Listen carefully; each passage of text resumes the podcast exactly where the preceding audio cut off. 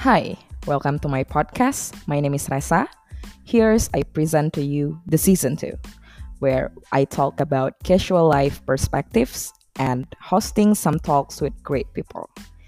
We would discuss life experiences, dreams, and empowerments of young people. So now, let's hear what I need to speak to you.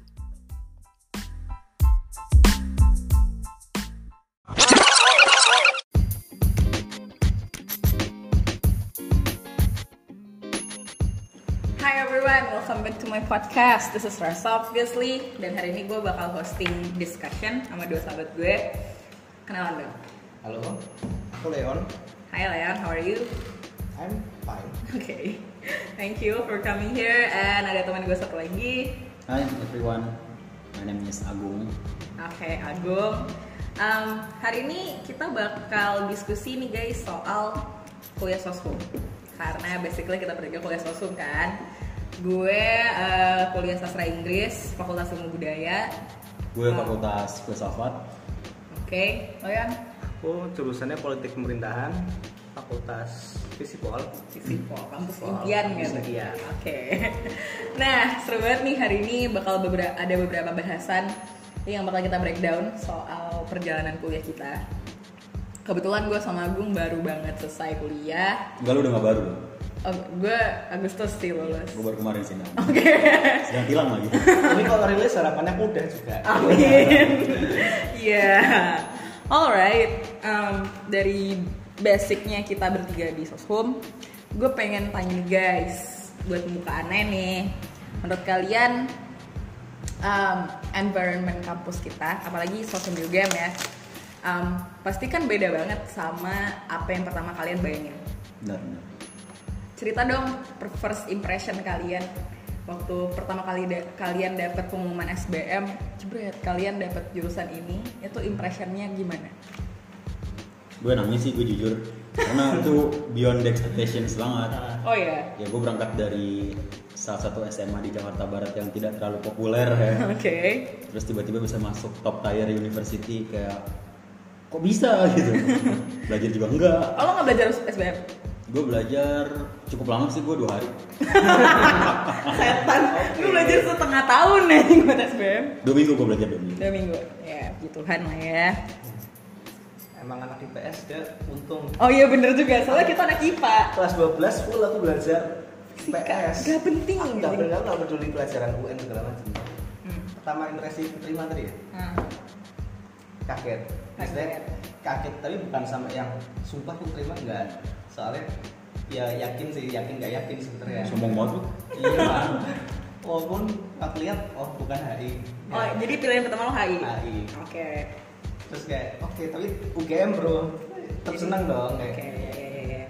Sama sih, gue malah awalnya eh, gue nggak nangis. Waktu gue kasih tau nyokap gue, dia yang nangis, gue ikut nangis. Nah, kamu keinjek soalnya. Soalnya ya, ya bahagia aja keterima UGM gitu. Terus eh, waktu udah dijalanin kan, em, impression kalian kan gila ya, kuliah di UGM wow banget gitu. benar benar benar. Itu sesuai nggak sama ekspektasi kalian? Wah jauh. Kenapa tuh? Kenapa tuh? ya karena bayangan gue ya kuliah di UGM tuh adalah kumpulan dari orang-orang cerdas. Oke. Berangkat dari pendidikan yang extraordinary ya kan. Hmm. Terus pas gue masuk fakultas gue, fakultas filsafat, yang lu semua udah tahu gimana kan. Kayak kayak SMA gue nih, caur caur caur-caur juga, pervert juga orang-orang. Oke. Em, kalau gue malah tapi gue malah ngeliat anak-anak fakultas gue tuh sangat free gitu loh. Yang kayak mereka sangat open minded, terbuka sama, Sama, segala hal. Iya. Ya itu yang bikin gue kaget karena gue eh, SMA tuh di li- lingkungan yang lumayan konservatif gitu. Hmm. Sedangkan di situ orang-orang memandang gak ada memandang lo anaknya siapa dan segala macam Iya. di situ free aja ya lo menjadi diri lo sendiri pikiran lo kayak gimana Child free juga katanya. Enggak kayak gitu dong. Oh iya, bisa bisa. ada tambahan nggak ya soal Ya kurang lebih sama sih kayak. Representasi. UGM, oh iya pinter-pinter Mhm. segala macem ketemu ngambil almet tuh baru hari pertama nginjek kaki di UGM belum kuliah belum apa ketemu teman-teman atau jurusan gimana kamu tugas ospek udah kerjain belum PSMB ya? Ke PSMB belum aku kayak udah kayak udah waktu masuk tuh udah deket gitu. Hmm, terus kayak kita sih oke Oke, sama. tidak jauh berbeda aku kira kuliah mau rajin tapi ternyata temennya gini ya udah ada ada Tapi kalian ini gak sih kayak ngejar ketinggalan gitu gak sih waktu awal-awal? Soalnya gue um, basic gue kan di IPA, gue nggak terekspos sastra, apalagi sastra Inggris banyak kan. Jadi awal-awal kuliah tuh gue lumayan banyak ngejar, kayak gue baca-baca sendiri dan lain-lain. Kalau kalian gitu? gue sih nggak ketinggalan ya karena filsafat baru ada emang pas kuliah Oke. jadi orang-orang yang masuk situ otomatis dari nol Ah. cuman kan dari uh, gap antara kita diterima sama mulai kuliah itu kan ada beberapa bulan tuh. Aha. Nah, biasanya kita dikasih sama orang-orang yang ngerti filsafat itu dikasih bacaan-bacaan pengantar gitu. Dan Baca. gue nggak baca juga. Iya, sama sih. Visipol juga karena pelajaran politik pemerintahan juga baru banyak waktu kuliah ya, sama-sama kayak ya udah mulai dari nol. Iya, iya. Tapi gue malah dulu waktu awal-awal gue belajar dari present tense gitu loh. Present tense terus kayak nulis juga ada yang dari 100 kata gitu gitu jadi sama-sama dari nol. Cuman kan sama teman-teman gue udah jago-jago nih ya bahasa Inggrisnya. Jadi mau nggak mau ngejar ketinggalan. Tapi pas lu pertama masuk lu udah langsung lancar bahasa Inggris nggak enggak. Enggak parah sih kacau gue kayak ya ngomong gue nggak jelas gitu. Kan sekarang sih. Thank you. bahasa Inggrisnya sih gitu. orangnya. ah. alright. Um, terus kalian pasti dapat ini gak sih stigma stigma dari orang-orang? "Lu kuliah filsafat ngapain kalau gitu? Iya sih. pernah gak sih? Sering sih gue terus gimana kalau menanggapinya? Jujur capek. Cuman ya ya itu uh, konsekuensi yang kita terima ya. Maksudnya jurusan gue kan tidak terlalu populer ya. Hmm, hmm. ya sangat sedikit lah orang yang mengenal filsafat itu apa. Nah, untuk menjelaskan kulit luarnya aja menurut gue susah ya cuman ya untuk menjelaskan stigma-stigma tersebut ya menurut gue banyak sih ya kayak misal filsafat percaya Tuhan atau enggak. Ya kalau misalnya berdasarkan apa yang gue pelajarin sih harusnya Tuhan itu ada sesuai konsepsi yang gue percayai ya. Mhm. bahwa Tuhan sebagai sesuatu yang mendominasi harusnya nggak ada nggak ada orang yang kalau pakai konsep yang gue sampaikan itu harusnya nggak ada orang ateis. Cuman kan itu perspektif gue doang perspektif orang kan bisa beda. Dan gue nggak bisa menafikan kalau di fakultas gue ada yang kayak gitu ada. Cuman apa gue kayak gitu? Ya mungkin. Enggak enggak ya, ya, ya, ya, ya, ya. tapi kan you free to believe gak sih? Free, benar. kalau gue tuh stigma yang sering gue dapet waktu gue bilang gue kuliah sastra Inggris jadi guru bahasa Inggris loh. Itu gue gak capek banget anjing. Enggak gue gak dapet lisensi guru bro. Jadi gue gak bisa ngajar gitu Iya tapi ya udah lah ya itu kan stigma dan akhirnya yang jalanin akhirnya gue sendiri gitu tapi menurut gue tuh itu salah satu tanggung jawab kita juga sebagai orang yang in charge di situ ngerti gak sih gue kenapa tuh kayak karena gue kuliah di filsafat Mhm. ya gue punya kewajiban etis buat menjelaskan apa itu filsafat ke orang-orang benar benar Tapi stigma kalian nggak mau nggak mungkin ya ini stigma apa politik pemerintahan. Kenapa? DPR ya mas ya. Duh nggak ada nggak ada. emang lo pengen jadi DPR kan Nggak. gue pengen banyak ngomong. lah Hmm? Duitnya banyak Iya banyak tapi oh, nggak pingin maksudnya mungkin suatu saat ya tapi Hmm. sementara nggak ada niatan ke situ. istri lo ada tiga gitu mau nggak mau jadi DPR kan Enggak. lo kenapa pengen jadi DPR malahan gue punya pandangan politik sendiri sih Oke, oke.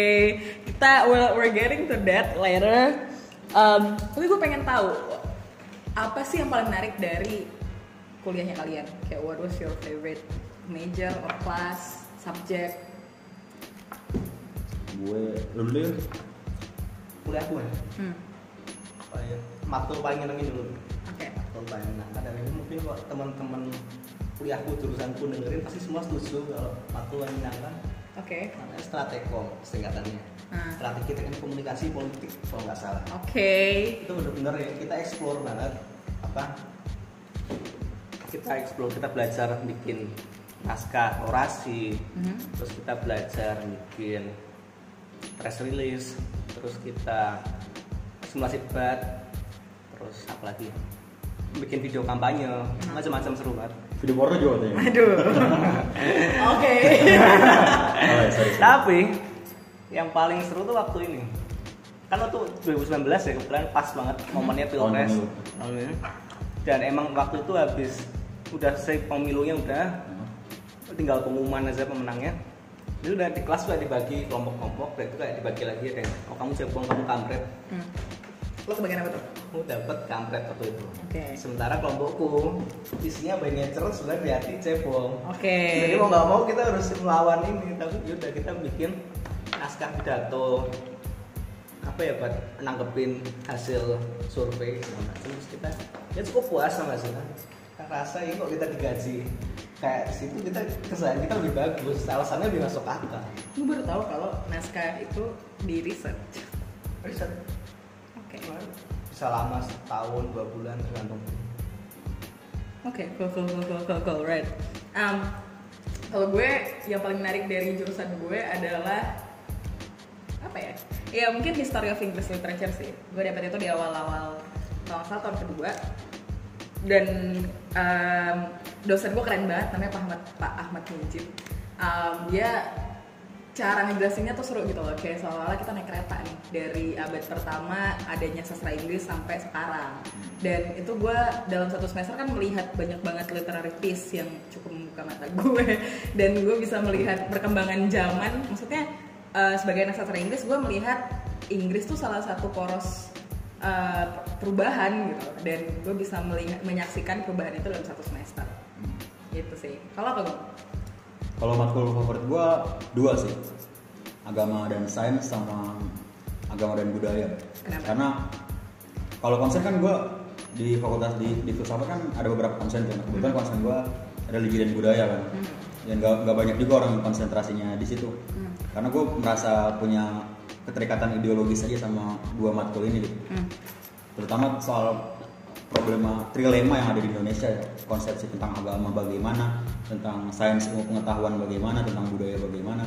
Nah gue dapat dapat apa yang memang gue lagi cari di dua matkul itu agama sains dan agama budaya. Oke, Em, tapi kalian ngerasa nggak sih matkul-matkul yang kita pelajarin itu sedikit banyak membuat cara berpikir kita berubah juga gitu. Sebagai anak kosum, sebagai anak muda yang lihat fenomena-fenomena sosial gitu. Sangat sih kalau menurut gue. Kenapa tuh?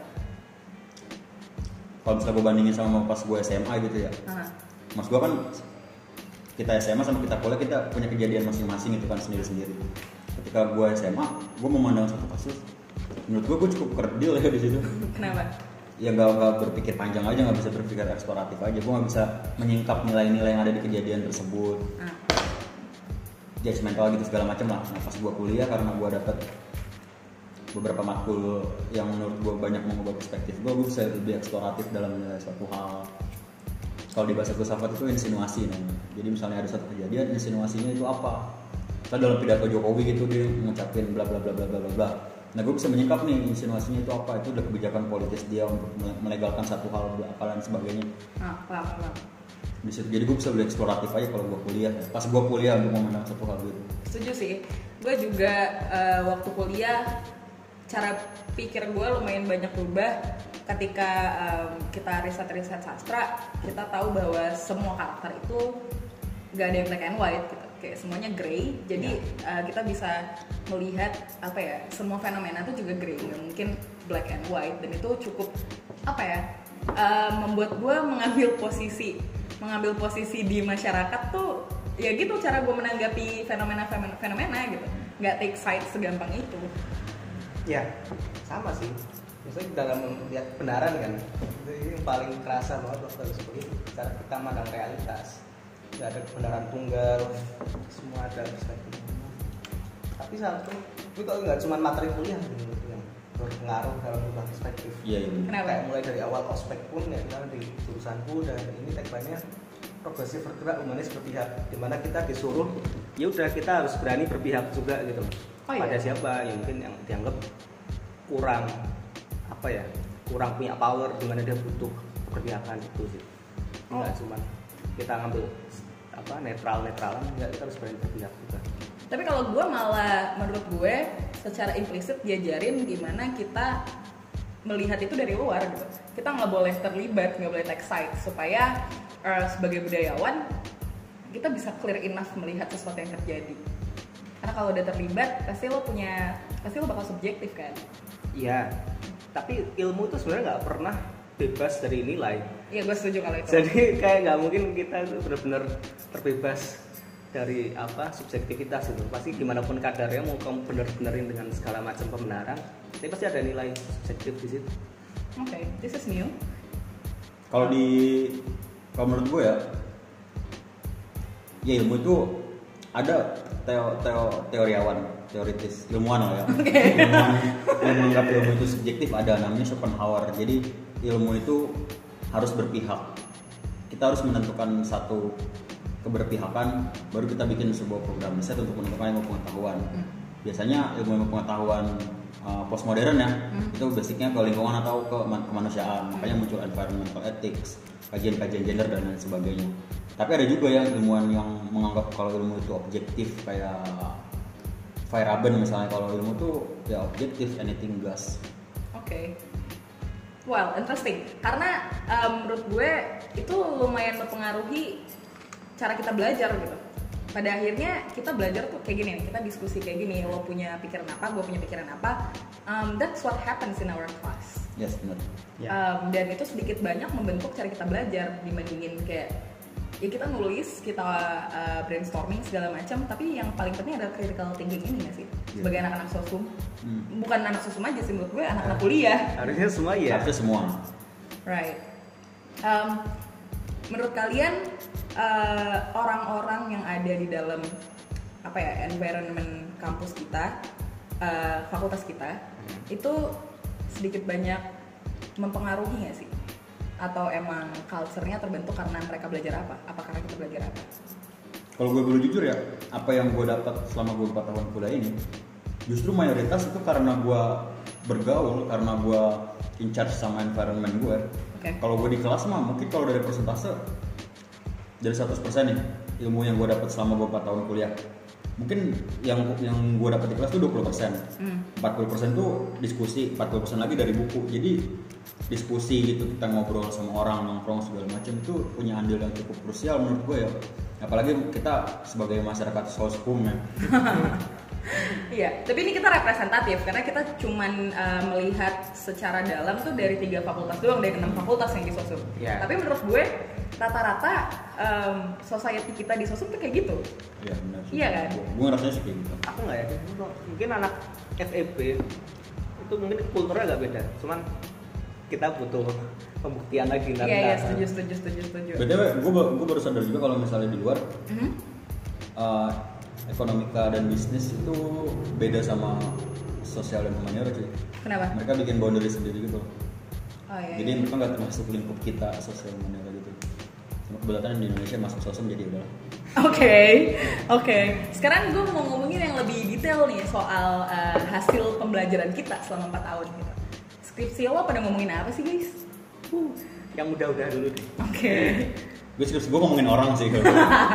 gue juga ngomongin orang sudah meninggal lagi orangnya kalau gue kemarin em, kebetulan I I took a deep research in feminism di children's literature gitu. Gue ngomongin Peter Pan dan G.M. Noah juga Noah, ya Noah. Dong. Itu gue juga capek banget nanggepinnya tiap kali gue disuruh cerita soal skripsi gue ya gue ngomongin Peter Pan dan gue mengkaji secara eh, gender. Eh, selama ini orang-orang yang ngomongin Peter Pan kebanyakan ngomongin psychologicalnya Ariel juga. bukan Ariel.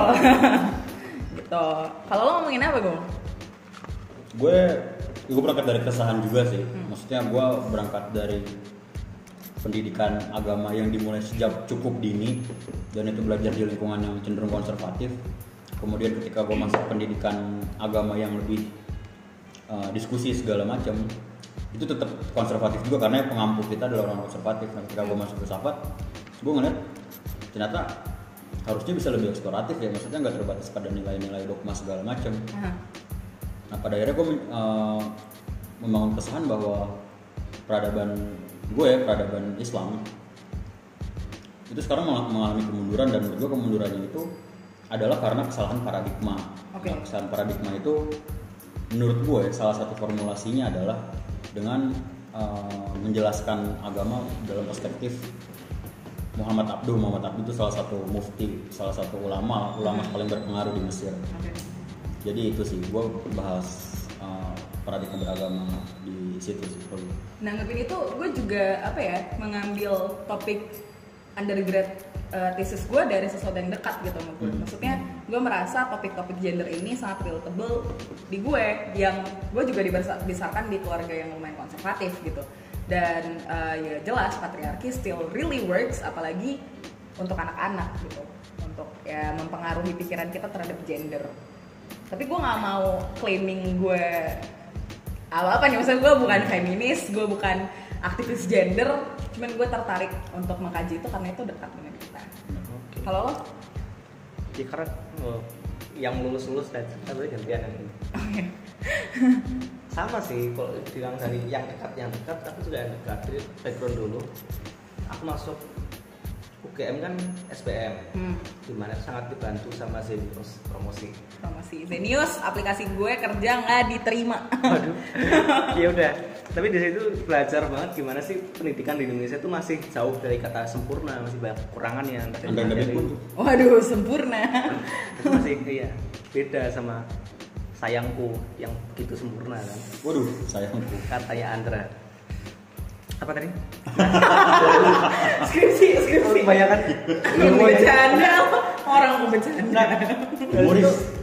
terus tambah waktu ini konteksnya pandemi. Ah. pandemi otomatis nggak bisa dong sekolah nggak bisa berjalan dengan semestinya. Jadi yang sebenarnya selama ini nggak sempurna terus kalang pandemi. Hmm. udah makanya penelitianku gimana sih? Pendidikan itu berjalan di kota Jogja. Mhm. objeknya aku ngaji dinas pendidikannya seperti Oke. yang kata payungnya lah ya. Tuh. Oke, tapi ada nggak sih salah satu apa ya holy flow dari ilmu yang lo pelajarin gitu? Kayak lo pasti ada lah apa eh, satu teori yang lo percaya banget ini tuh suitable gitu. oh enggak enggak jadi ini lebih ke kompas pasin enggak tahu ya berapa banyak temenku yang kayak aku juga cuman kita udah nemu masalahnya dulu apa baru kita nyari apa sih kira-kira pisau yang cocok buat melihat fenomena ini? Nah, terus habis itu nemu nemu setelah sekian panjang membaca-baca skripsi dan jurnal seperti bukan komik ya? itu nemu namanya dynamic governance. Apa tuh? jadi pengembangan dari good governance. Good governance sendiri tata kelola pemerintahan yang baik lah di mana akuntabel Aha. terus bersih segala macam. Nah dalam governance ini percaya kalau good governance nggak cukup Apa ya? dunia itu selalu berkembang kan Aha. jadi pemerintah pun juga harus bisa terus berubah biar dia bisa memberikan pelayanan yang maksimal Oke. apalagi tambah konteksnya sekarang baru pandemi yang benar-benar nggak jelas banget orang nggak tahu bakal terjadi kan Hmm. nah jadi ke- kemampuan uh, instansi itu sangat diperlukan Alright, alright. Tapi lo percaya sistem politik kita bener nih kan sekarang? oh, sama sekali tidak Kenapa tuh? Oke, gue pengen denger banget nih yang ini. Soalnya dia sering banget uh, bringing up this tema gitu kalau kita lagi ngobrol apa tema apa nih Politik. soal uh, sistem politik kita nih sekarang. Gue kan bocahnya bocah monarki gitu. oh monarki gue kan anarki bocahnya. iya yang kita harusnya kembali lagi ke monarki ya karena optimis ya lo. Iya optimis aku Kenapa? saya di bawah naungan seorang yang diberi mandat dari langit itu kita bisa mencapai kemajuan lagi Why? Why? satu karena aku percaya Imam Mahdi bakal turun Oke. tapi walaupun dia nggak bakal jadi raja ya tapi selama ini aku melihat dari cerita-cerita aku baca cerita Mahabharata, Ramayana aku nonton Game of Thrones juga kan Ramayana H&M. Pull&Bear nggak tuh? Oke. Miniso Udah udah udah. Udah, udah, lanjut. terus habis itu aku membaca-baca novel-novel Cina gitu temanya kerajaan dan dari situ aku melihat ya emang butuh sosok yang dipilih Tuhan yang dimuliakan Tuhan buat memimpin umat dari kegelapan Tapi Perancis aja revolusi loh kan, buat jadi uh, demokrasi. iya cuman gini biar demokrasi itu bisa berjalan itu institusinya harusnya udah bagus Hmm. kita tuh enggak kita udah korup duluan belum jadi pembenahan tiba-tiba terpaksa lah apa mengadopsi demokrasi makanya kejadiannya kayak sekarang kita tahu Oke. kayak buat genep-genepan aja demokrasi ya ada pemilu tapi Ah. pemilu itu apa benar-benar bisa menjalin aspirasi rakyat Hmm. kan juga menurutku enggak Okay. You did a lot of research on this one, or it's just one of your interests? Ya one of my interest aku nggak benar-benar fokus ke sini I see. Iya sih, tapi menurut gue juga demokrasi kita anjir. Kita udah kayak sosok ngomongin politik banget nih. Tapi menurut gue demokrasi kita juga di tengah-tengah gitu, nggak jelas mau ke mana. Iya sih benar. Gue sepakat sih. Kita selalu mengklaim kalau demokrasi kita adalah demokrasi representatif. Mhm. Tapi kita nggak pernah tahu representasi yang mana. kalau misalnya gue ngomong di Inggris gitu, Hmm. oh border ideologi mereka ketat. Orang-orang yang kiri itu diwakili oleh partai buruh misalnya. Ah. Orang-orang konservatif ya diwakili oleh partai konservatif. Hmm. Orang-orang yang ide-ide nasionalis di- diwakili oleh ide nasionalis. Di kita kan nggak bisa kayak gitu karena kita mono ideologi. Kalau misalnya iya. kita mau pakai contoh Malaysia gitu, representasinya berdasarkan etnis, walaupun terkesan sara ya. Tapi at least mereka tuh punya border ideologi yang ketat, border border representasi yang ketat. Di, di kita tuh samar. Nah kenapa pada akhirnya gue pengen terjun ke dunia politik praktis? Karena gue pengen ada sebagai golongan yang merepresentasikan kaum kaum cendekiawan gitu. Oke, yeah, good thoughts, good thoughts young people, right? Um, tapi gue pengen tahu nih dari kalian pribadi, kalian ngerasa cukup grow nggak sih ada di sini atau kalian punya penyesalan um, kuliah sosum akhirnya? Kalau bersyukur sih hampir nggak ada sih.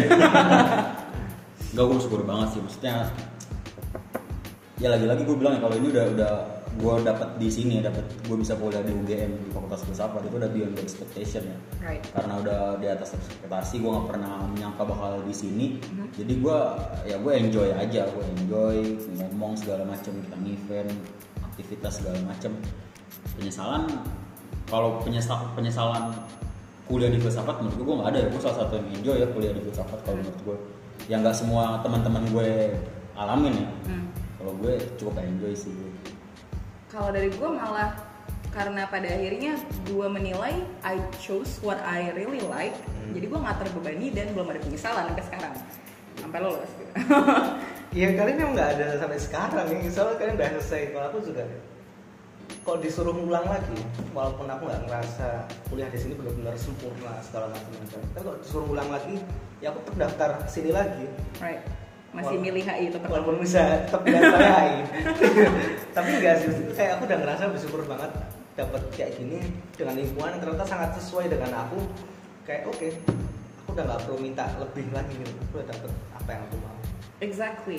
Aku gue juga ngerasa kayak um, lingkungannya tuh loh yang bikin kita nyaman buat belajar. Karena maksudnya dari awal gue ada di Sasing pun, gue ngomong bahasa Inggris kacau gitu nggak ada judgement. Dan gue, misalnya kelas-kelas kita kan nggak ada kebenaran yang valid ya. Maksudnya kalau kita yang absolut. Ya yang absolut maksud gue. Em, misalnya gue bisa nge- memberi bukti bahwa pikiran gue itu ada dasarnya orang-orang boleh dengerin gue gitu. Gue nggak dicap salah gitu. Dan this kind of environment yang sebenarnya bikin gue grow pada akhirnya. Oke em, terus gue pengen tahu eh, menurut kalian organisasi-organisasi di luar kelas itu membantu kalian nggak? Kalau gue sangat sih ya. Kenapa? Karena gue harus mengakui kalau misalnya uh, untuk terutama kesibukan ya kesibukan akademis untuk gue yang kuliah di uh, sosum ya menurut gue tidak sesibuk orang-orang yang ada di ilmu-ilmu eksak gitu kan Right. nah karena gue karena gue mengisi waktu-waktu luang tuh dengan ikut-ikut organisasi di luar kegiatan segala macem Hmm. yang mana itu menurut gue ya gue pribadi menilai justru itu yang yang membangun pola pikir yang lebih eksploratif tuh karena gue diskusi sama orang-orang yang di luar filsafat. Gue selalu menganggap kalau misalnya gue diskusi sama orang-orang filsafat doang itu tuh kayak kayak debat kusir jatuhnya karena perdebatan kita tuh mengawang doang. Nggak ada poin-poin yang lebih aktual gitu nah ketika gue ketemu sama orang-orang yang di luar filsafat gue ketemu sama orang-orang politik pemerintahan gue ketemu sama orang-orang yang belajar sastra belajar psikologi belajar ilmu ekonomi dan sebagainya. Itu gue gue merasa nilai filsafat gue tuh bisa lebih aktual bisa lebih teraktualisasi gitu Right, right, gue setuju. Soalnya kalau gue ngobrol sama teman-teman sejurusan gue juga, ya kita belajar di kelas yang sama, kita dengerin dosen yang sama, baca buku yang sama, ya pada akhirnya ya kesimpulannya kurang lebih sama gitu-gitu doang. Gitu. Benar. Tapi kalau aku organisasi mungkin kurang pengaruh ya karena entah organisasi yang ikuti karena kurang bagus aja manajemennya segala macam. Tapi yang Mhm. banget banget dari kepanitiaan Kenapa? macam-macam kepanitiaan di ini itu satu pola pikir ketemu orang-orang dari mana-mana nggak cuma beda jurusan. Dari asal daerahnya juga macam-macam Right. beda spesies juga kan nggak gitu dong. oke selain jenis kelamin sih. Itu muka mata. Terus dari segi kemampuan berbicara jadi semakin terasa lagi tuh. Jadi lebih pede gitu nggak sih buat ngungkapin oke iya. Beda perang dunia maksudnya Enggak dong.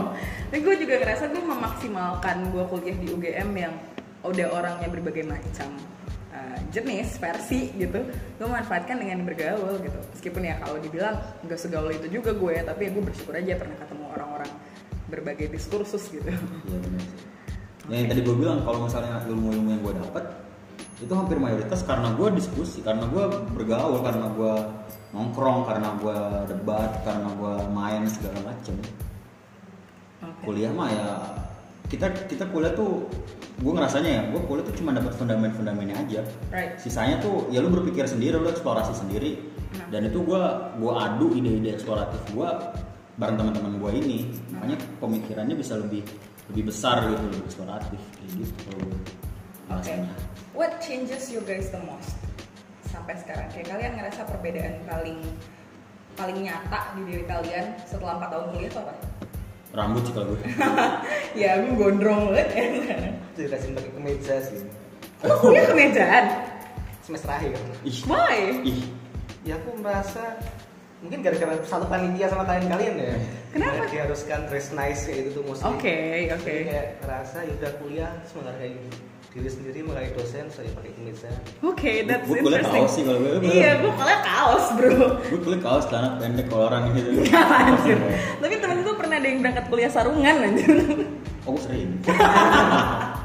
Karena dress up di sosum tuh nggak semeter itu sebenarnya. Bagi karena kita kerja nanti juga eh, mungkin dikit banget yang kita bakal ketemu dunia-dunia formal kayak gitu. iya Iya, tapi nggak tahu kalau lo kan bakal jadi DPR nih kan. Coba lo kalau udah udah anggota DPR nih, Senayan gitu lo pakai kaos oblong. Tapi tulisannya anarki. Wah, ke istana gak sih harusnya waduh. Presiden. Eh gue tuh presiden waktu itu. Waduh, gue udah punya negara sih kalau itu. Right, tapi yang paling gue rasain tuh um, critical thinking sih yang paling mahal kuliah di sini. Bener sih. Tuh apa ya um, si the social phenomenon uh, dengan ilmu-ilmu yang gue punya gitu. Meskipun kadang-kadang terkesan arogan menurut gue. Kesan, kesan, kesan arogan. Apalagi kalau kita lawan diskusi kita adalah orang-orang yang di luar di luar kampus kita gitu misalnya kita merasa apaan sih lu kuliah di luar UGM Aduh. tapi aku kebalik Kenapa? aku masuk UGM jadi humbling myself Why? karena aku waktu SMA apalagi di kelas ya karena kelas IPA 9 yang mostly nggak pinter-pinter juga. Kan aku rasa kayak pinter sendiri. Oke, halo Jadi- teman-teman IPA 9 ya Leon. aku ngomong lagi kalian nggak pinter-pinter. Dan itu selalu ini kayak nggak ada lawannya. Hmm. jadi begitu masuk UGM benar-benar ketemu orang-orang yang jauh di luar out of my league lah ini kayak gitu. Right. jadi aku ngerasa oke ini tuh humbling myself. Dan habis itu dari situ karena aku juga belajar melihat perspektif orang beda-beda. Aku kalau misalnya ketemu teman-temanku yang dari luar lagi aku nggak langsung ngetes mereka tapi ya udah aku coba dengerin dulu Ah, tapi kalau udah oke. nggak terlalu nggak make sense aku coba bantah kalau enggak ya udah highlight itu itu yang lagi gua gua coba sih Nggak, aku tetap- Ya lo, lo harus mencoba itu sih. Setelah aku udah lama I will pass that gitu loh Iya iya iya. iya. Tapi that make sense sih karena waktu gue diskusi ketemu sama teman-teman gue yang beda jurusan, I feel like they're very cool gitu menyampaikan apa yang mereka pikirkan gitu. sama gue juga walaupun kadang nggak ada isinya. Iya iya iya. iya. Karena kalau di gue em, kita be- bebas punya concern apa pun. Benar. Sastra kan luas. Yes. Kayak lo mau ngomongin ekonomi dari sastra juga boleh, lo mau ngomongin politik boleh. Kalau gue take sides di women and children, ketemu temen gue yang eh, concernnya di Marxis sama komunis gitu, gue tetap ngerasa their thoughts is very cool gitu. Kalian gitu nggak?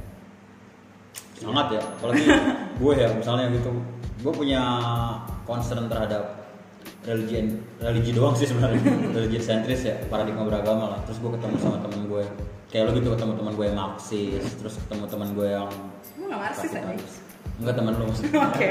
lo kan feminis katanya no.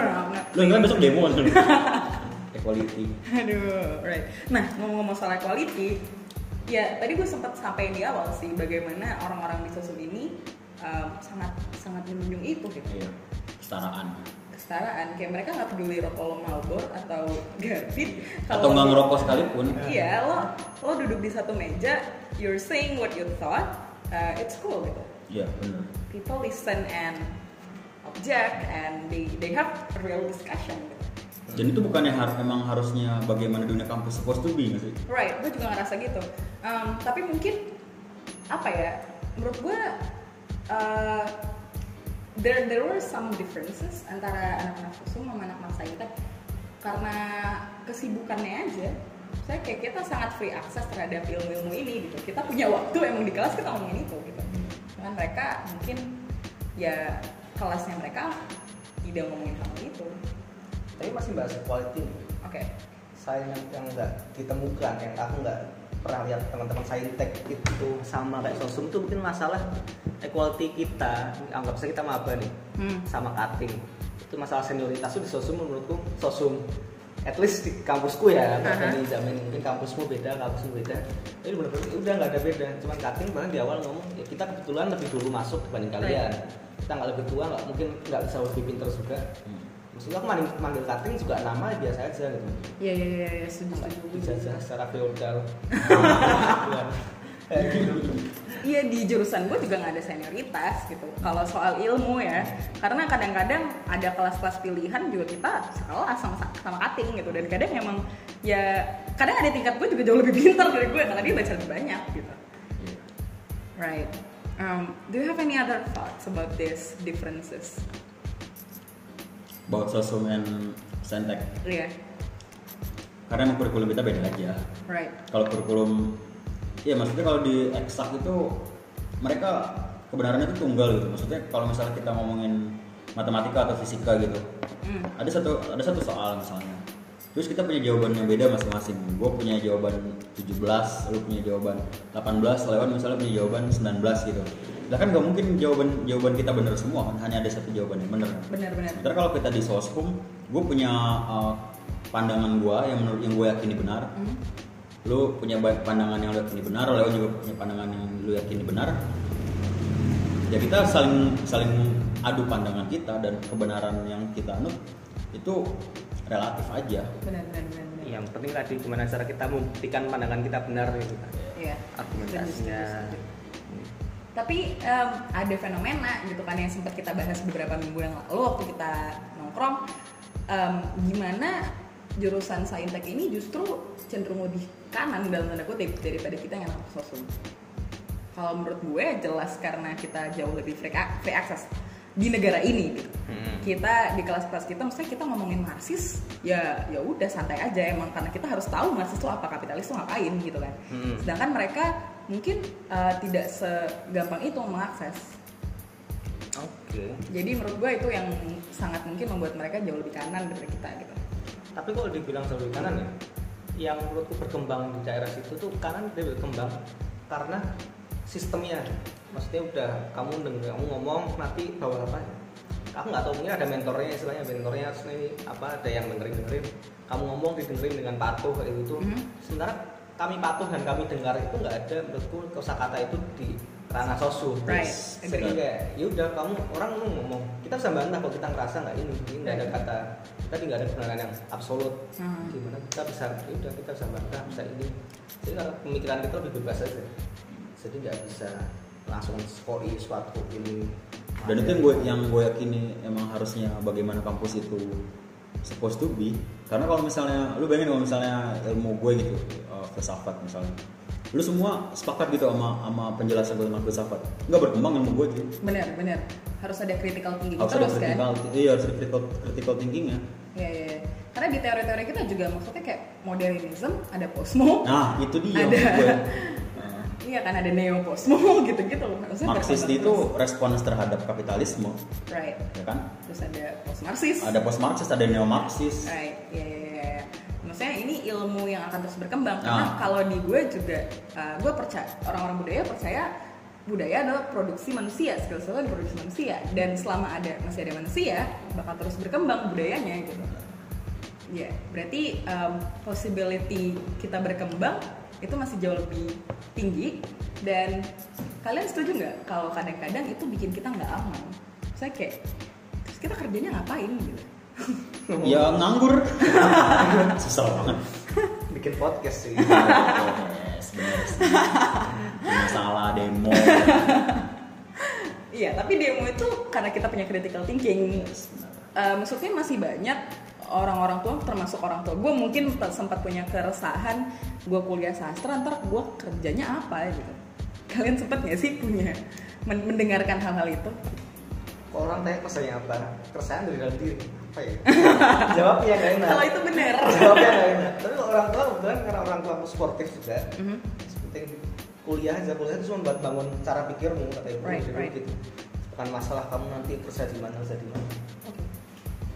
Kalau gimana Bung? Eh, bagaimana lo menanggapi fenomena lontar kerja di mana ini? gue sepakat sama Leon sih gue mengutip apa yang uh, salah satu dosen vokasi namanya Bu Jeiko kalau pada tahu ya Iya, iya, iya. dia tuh bilang kalau misalnya hakikat kita sebagai seorang mahasiswa itu bukan kita dididik sebagai seorang pekerja atau Right. dididik sebagai seorang uh, aktivis segala macam tapi kita itu sebagai seorang problem solver Why? ya kita harus memecahkan masalah-masalah yang ada di sekitar kita dan itu di, uh, metodologinya itu dibangun ketika kita kuliah harusnya itu kita ke situ Oke.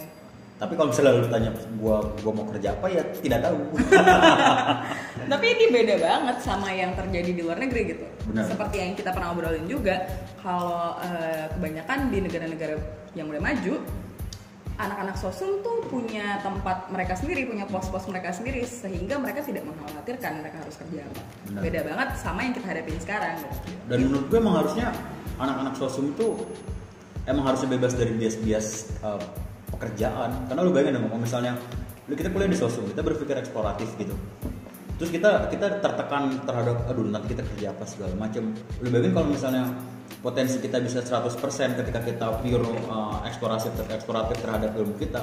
Karena ada bias pekerjaan mungkin cuma 30 atau 40% atau 70% langsung Tapi nggak bohong, kita kan hidup butuh duit ya.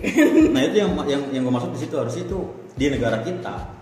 Karena kita udah punya udah punya udah punya parameternya gitu di negara lain di negara negara negara, negara maju lah contohnya.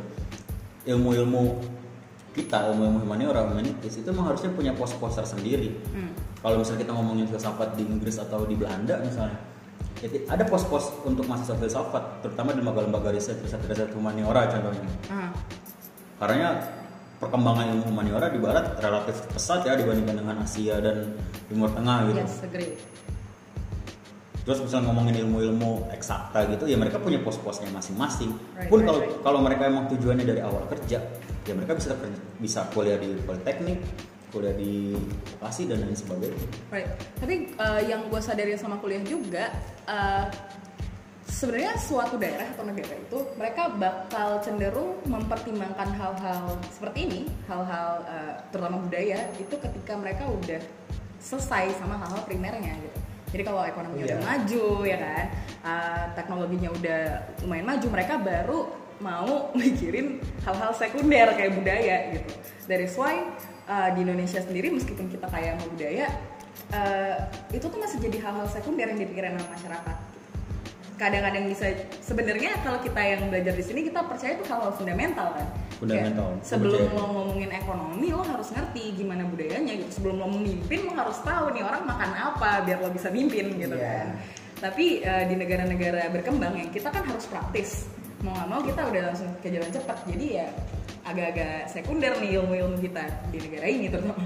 Tapi ya gitu menurut gua baik lagi soal pendidikan gitu ya. Hmm. Kurikulum kita tuh terlalu industrial, terlalu terindustrialisasi gitu. karena emang kita butuh mungkin dalam satu sisi ya pandangan kita masih butuh banget menjot dari sisi Industrial. industri Tapi kalau kita kita mengaca di Eropa ya, men indu- ide-ide industrialisasi abad ke-19 20 itu tuh udah dicacat-cacatin sama ide-ide kemanusiaan, ide-ide gender, ide-ide lingkungan. Right, right. Yes, industrialisasi kan selesai uh, perang dunia. Mereka Ah. udah selesai sama industrialisasi. ya mereka bisa kayak gitu karena mereka udah selesai kita masih tahap membangun kan makanya menurut pemerintah kita masih butuh banget di sini tapi di sisi lain ya menurutku kayak nggak make sense juga kita dibuka banyak banget jurusan-jurusan sosial humaniora kok emang unsur-unsur kita dipaksa buat bisa ke sono maksud kita kan sekolah kita orang-orang yang belajar harusnya kita tujuan kita buat memajukan urusan-urusan yang kita pelajari gitu Right. nggak kita banding setir nanti jadi apa jadi apa jadi apa Harusnya gitu ya. kayak sekarang maba-maba apalagi ada kampus merdeka itu mereka nggak tahu magang ke mana magang ke mana kalau sama-sama ujung-ujungnya magang kenapa nggak dibuat aja kampus magang kayak gitu tuh Wow, this is a very great thought, guys, right? Yeah. Tapi harusnya gitu sih perkembangan dunia akademis ya menurut gue di Indonesia. Kita mengaca di luar ya harusnya emang harus semakin terspesialisasi gitu. Maksudnya kalau misalnya kita bicara di luar ilmu gue gitu, misalnya filsafat, wah di luar mah udah udah terkonsentrasi ada filsafat timur jurusannya sendiri, terus ada kajian lintas agama kajian itu sendiri, terus ada yang agama dan sains gitu udah digabungin kita bahas multidisipliner gitu sendiri. Nah di Indonesia gue ngelihat perkembangan diskursus kayak gitu belum berjalan secepat itu sih. Nah gue percaya perkembangan diskursus, perkembangan pendidikan di Indonesia itu linear sama perkembangan peradabannya. Perkembangan peradaban melahirkan peradaban unggul, peradaban unggul ya artinya menghasilkan negara yang maju. Right, right, right, right. Ya, ya, ya. kalau misalnya yang belajar sastra asing di Indonesia masih banyak, berarti masih seberpengaruh itu tuh negara-negara lain buat negara kita gitu. Right, right. Okay, um, this is very great thought guys. Thank you so much. Um, buat closing nih, kalian ada nggak uh, kesimpulan yang jadi kuliah sosum tuh yes or no gitu? Do you want to share anything about it? yes yes banget sih yes banget. Dengan catatan kamu bukan orang yang mikir bukan orang yang khawatir banget ya. Maksudnya habis lulus mau ke mana? Kalau kamu pengen yang ada jaminan? Ya udah kamu masuk asisten STIS atau S apa pun yang awal-awalnya ST ST gitu SD, SD. Agak sedikit oh iya deh aku ralat berarti nggak semua apa pun yang ST ST soalnya ada ST juga kita bukan Right. Atau masuk Win Barcelona mungkin. Apa tuh? Ikip Singapura. ya, ya, ya. Tapi yang gue alami selama gue akhirnya selesai kuliah sosum, ilmu-ilmu kesaintekan gue tumpul bos. Gue kalau ngitung kayaknya udah gak secepat dulu gitu. Karena emang gak pernah lagi gitu. Karena emang, emang, emang bukan diskursus loh. tapi Iya, kamu iya, pernah iya. Thank you so much for reminding that. soalnya aku mau bilang aku nggak secepat dulu karena emang dulu cepet sekarang ya bisa tapi nggak secepat dulu Bro, dulu gue UN matematika gue masih bisa ngerjain logaritma. Sekarang gue kagak tahu apa-apa lagi gitu kan. right. Kalau gimana? Uh, what's the pro and cons? Ya gue sepakat sama Leon. Kalau lu berangkat dari orang yang tidak terlalu kesulitan secara finansial, tidak punya tuntutan ketika lulus harus kerja dua digit gajinya. Menurut gue masuk sosum itu adalah salah satu pilihan yang tepat ya. Karena kalau lu pengen menjadi orang yang lebih dinamis, yang lebih eksploratif, lu punya retorik dalam menjelaskan sesuatu komunikasi publik. Ya yang gue rasain, gue sangat berkembang di sosum ya Tertampung ya. sangat tertampung. Cuma konsekuensinya ya itu tadi, lu ada di negara yang tidak terlalu Mensupport. tidak terlalu mensupport penghargaan terhadap ilmu humaniora di Indonesia itu relatif masih sangat rendah ya Right, dibandingkan right. dengan negara-negara maju. Jadi konsekuensinya ketika lulus, lu sebagai lulusan humaniora, lu bakal struggle di dunia pekerjaan. Tapi bukan nggak mungkin kita punya gaji 2 di 22 digit gitu. Digit. nggak mungkin. Nggak mungkin. Iya. bahkan mungkin kita startnya ya mungkin kalau dibanding sama anak-anak saintek mungkin jauh Maksudnya Iya. kita jauh yang di bawah Right, agree. A long time sih jadi kita di atas mereka gitu Hmm, right, right, right, right. Wow, thank you so much guys for this thoughts. Um, aku harap teman-teman yang dengerin juga dapat insight-insight baru dari obrolan kita.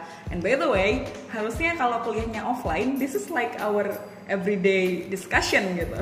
Tapi bersyukur banget aku bisa merekam ini di sini supaya uh, ada teman-teman lebih banyak yang bisa dengerin. And that's how about gimana kita kuliah di Sosum. Semoga guna dan thank you so much. Bye.